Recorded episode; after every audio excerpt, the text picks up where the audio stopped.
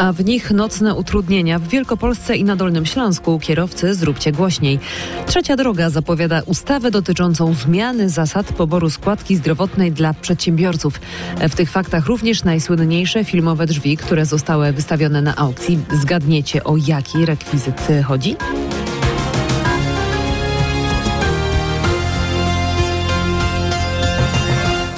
O tej porze mam ostrzeżenie dla kierowców jadących przez Wielkopolskę. Na drodze S11 samochód osobowy uderzył w bariery.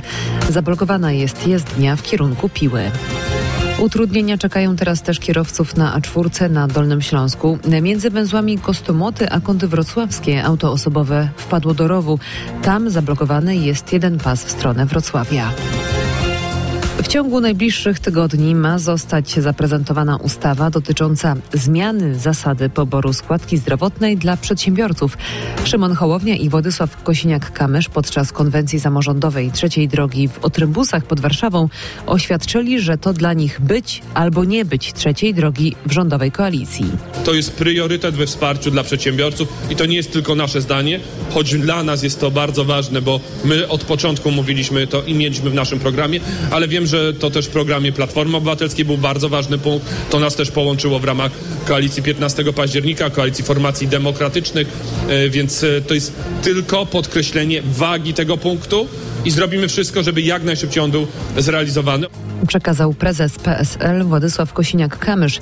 Liderzy Polski 2050 zapowiedzieli działania na rzecz m.in. czystego powietrza, rozwoju odnawialnych źródeł energii i gospodarności w samorządach.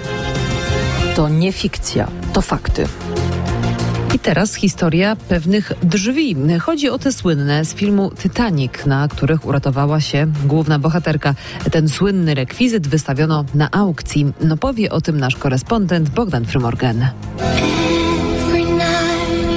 To bogato zdobiona replika drzwi, na których po zatonięciu Titanica ratuje się Rose, główna bohaterka grana przez Kate Winslet.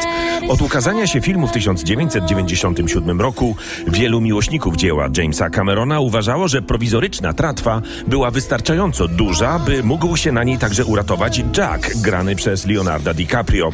Szacunkowa cena rekwizytu to 32 tysiące funtów, a jego dokładny rozmiar to 2,5 metra długości i ponad metr szerokości. Pytany o końcówkę filmu, amerykański reżyser wielokrotnie odpowiadał, że historia Titanica jest tragedią, a w tragedii ludzie umierają. Na koniec tego wydania faktów przenosimy się jeszcze do Krakowa. W hali Expo trwa w ten weekend festiwal, a także targi gier planszowych Book Game.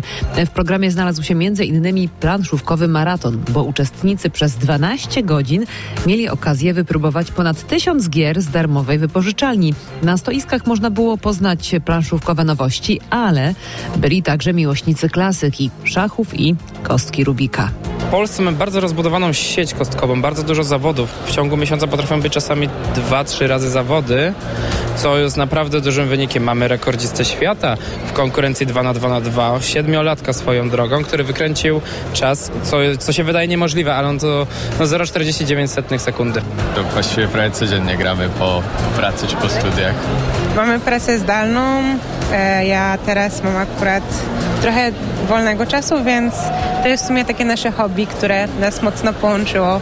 Dobra informacja jest taka, że ten festiwal potrwa jeszcze dzisiaj. Miłośnicy gier mogą więc wybrać się do hali Expo w Krakowie. Radio, muzyka, fakty. RMF FM.